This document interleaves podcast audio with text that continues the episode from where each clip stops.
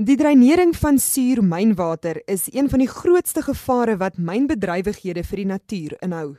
In die steenkoollaag wanneer dit in een stuk is, mens noem dit pyrite en wanneer uh, water met hierdie komponente meng, dan veroorsaak dit suur.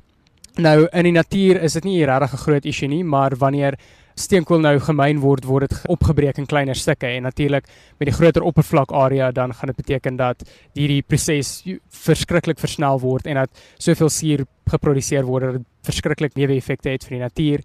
En dan ander neeweffekte is ook goed soos grond wat vir lang periodes van tyd geskraap word van die oppervlakte en dan gestoor word wat al die mikroorganismes en nutriënte van die grond verwyder as ook kompaksie wat verskriklik verhoog op hierdie areas wat dit moeilik maak vir ehm um, plante om daarso te begin groei nadat myn operasies nou opgehou het. Venter sê hy wou uitvind of die natuur nie dalk 'n beter manier het om myne te rehabiliteer nie wat verskil van die manier wat die mensdom dit doen. En op die vraag is navorsing geskoei. My kollega wat werk spesifiek aan die grondkwaliteit wat nou kyk vir al die verskillende chemikalieë wat nou betrokke is by die by die grond Ehm um, sy het gevind dat die miskryer aktiwiteit het 'n uh, merkwaardige invloed gehad op die kwaliteit van die grond as ook met die ehm um, die werk waarmee ek besig is wat meer kyk na die diversiteit van miskryers. Van laas jaar tot hierdie jaar kan ons ook sien dat die die miskryers op die myn wel daar is. So met net 'n bietjie werk aan die rehabilitasieproses kan die area uh, moontlik self hierdie hierdie proses fasiliteer.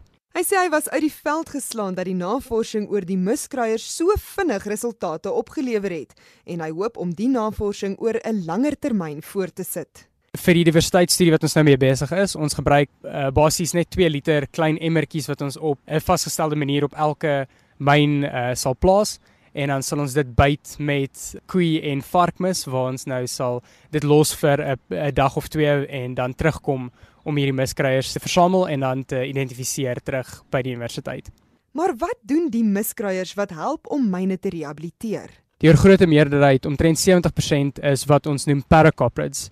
Dit beteken hulle begrawe hulle misbolle waarin hulle eiers lê direk onder die miskoek. So hulle vat glad nie na 'n uh, na op 'n afstand om dit te gaan begrawe nie. So hierdie is die die grootste uh, miskryergroep waarop ons werk en wat die meeste uh, positiewe effekte het so wanneer hulle hulle misbegrawe, nie net begrawe hulle organiese materiaal wat natuurlik uh, vir die plante help in terme van chemikalieë wat nou help met die uh, groei van plante nie, maar hulle veroorsaak ook meer ligholtes in die grond wat hulle nou uh, wat daar is vir ehm um, plante se wortels om nou daarso uh, te vestig as ook deur hierdie aktiwiteite verhoog hulle waterinfiltrasie in hierdie grond wat iets is wat nie op myne van tevore gesien word nie.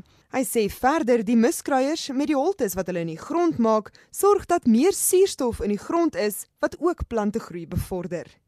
Venter sê die navorsing is op myne in die Emalahleni gebied in Mpumalanga gedoen. Hy hoop dat die intree studie teen die einde van 2017 afgehandel sal wees en dat die navorsing dan voortgesit sal word.